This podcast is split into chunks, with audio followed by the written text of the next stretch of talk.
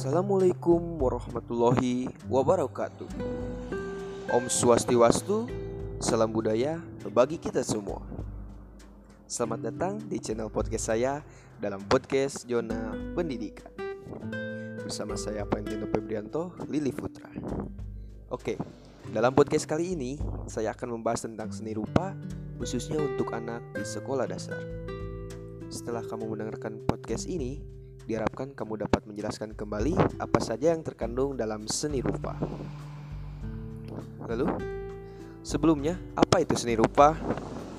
Ya, seni rupa adalah cabang seni yang membentuk karya seni dengan media yang ditangkap, mata dan dirasakan dan diraba.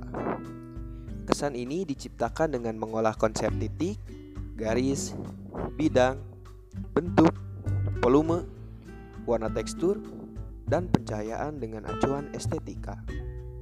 Lalu, berdasarkan jenisnya, seni rupa dibagi menjadi dua. Apa saja itu seni rupa? Ya, ya seni rupa itu ada seni rupa dua dimensi dan seni rupa tiga dimensi. Seni rupa dua dimensi adalah sebuah karya seni rupa yang hanya memiliki dua sisi saja, yaitu sisi lebar dan sisi panjang dan juga tidak memiliki ketebalan. Lalu, sedangkan untuk seni rupa tiga dimensi memiliki unsur lebar, panjang, maupun ketebalan.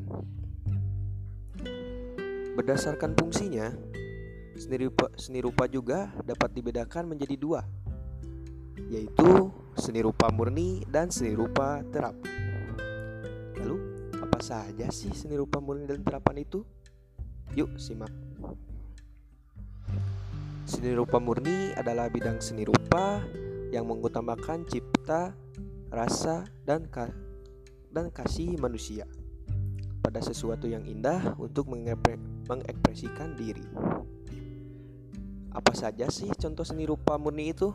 Ya, yang yang tergolong ke dalam seni rupa murni yaitu seni lukis, seni grafis, seni patung, seni instal instalasi, seni keramik, seni film, dan seni fotografi.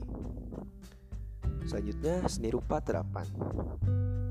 Seni rupa terapan ini adalah bidang seni rupa yang menciptakan karya yang dapat digunakan untuk memenuhi kebutuhan manusia. Contohnya, seni kriya adalah kriya tekstil, kriya kayu, kriya keramik, dan kriya rotan. Di dalam seni rupa juga terdapat unsurnya. Unsur seni rupa yang membuat karya seni tersebut menjadi estetis dapat dilihat dari warna, titik, garis, bidang, bentuk, unsur tekstur, dan ruang. Ya, mungkin seperti itu pembahasan tentang seni rupa untuk anak sekolah dasar. Demikian pembahasan tentang seni rupa untuk anak sekolah dasar. Sampai jumpa kembali pada podcast selanjutnya. Podcast Zona Pendidikan. Anda pintar, Indonesia senang. Wabillahi taufiq wa hidayah. Wassalamualaikum warahmatullahi wabarakatuh.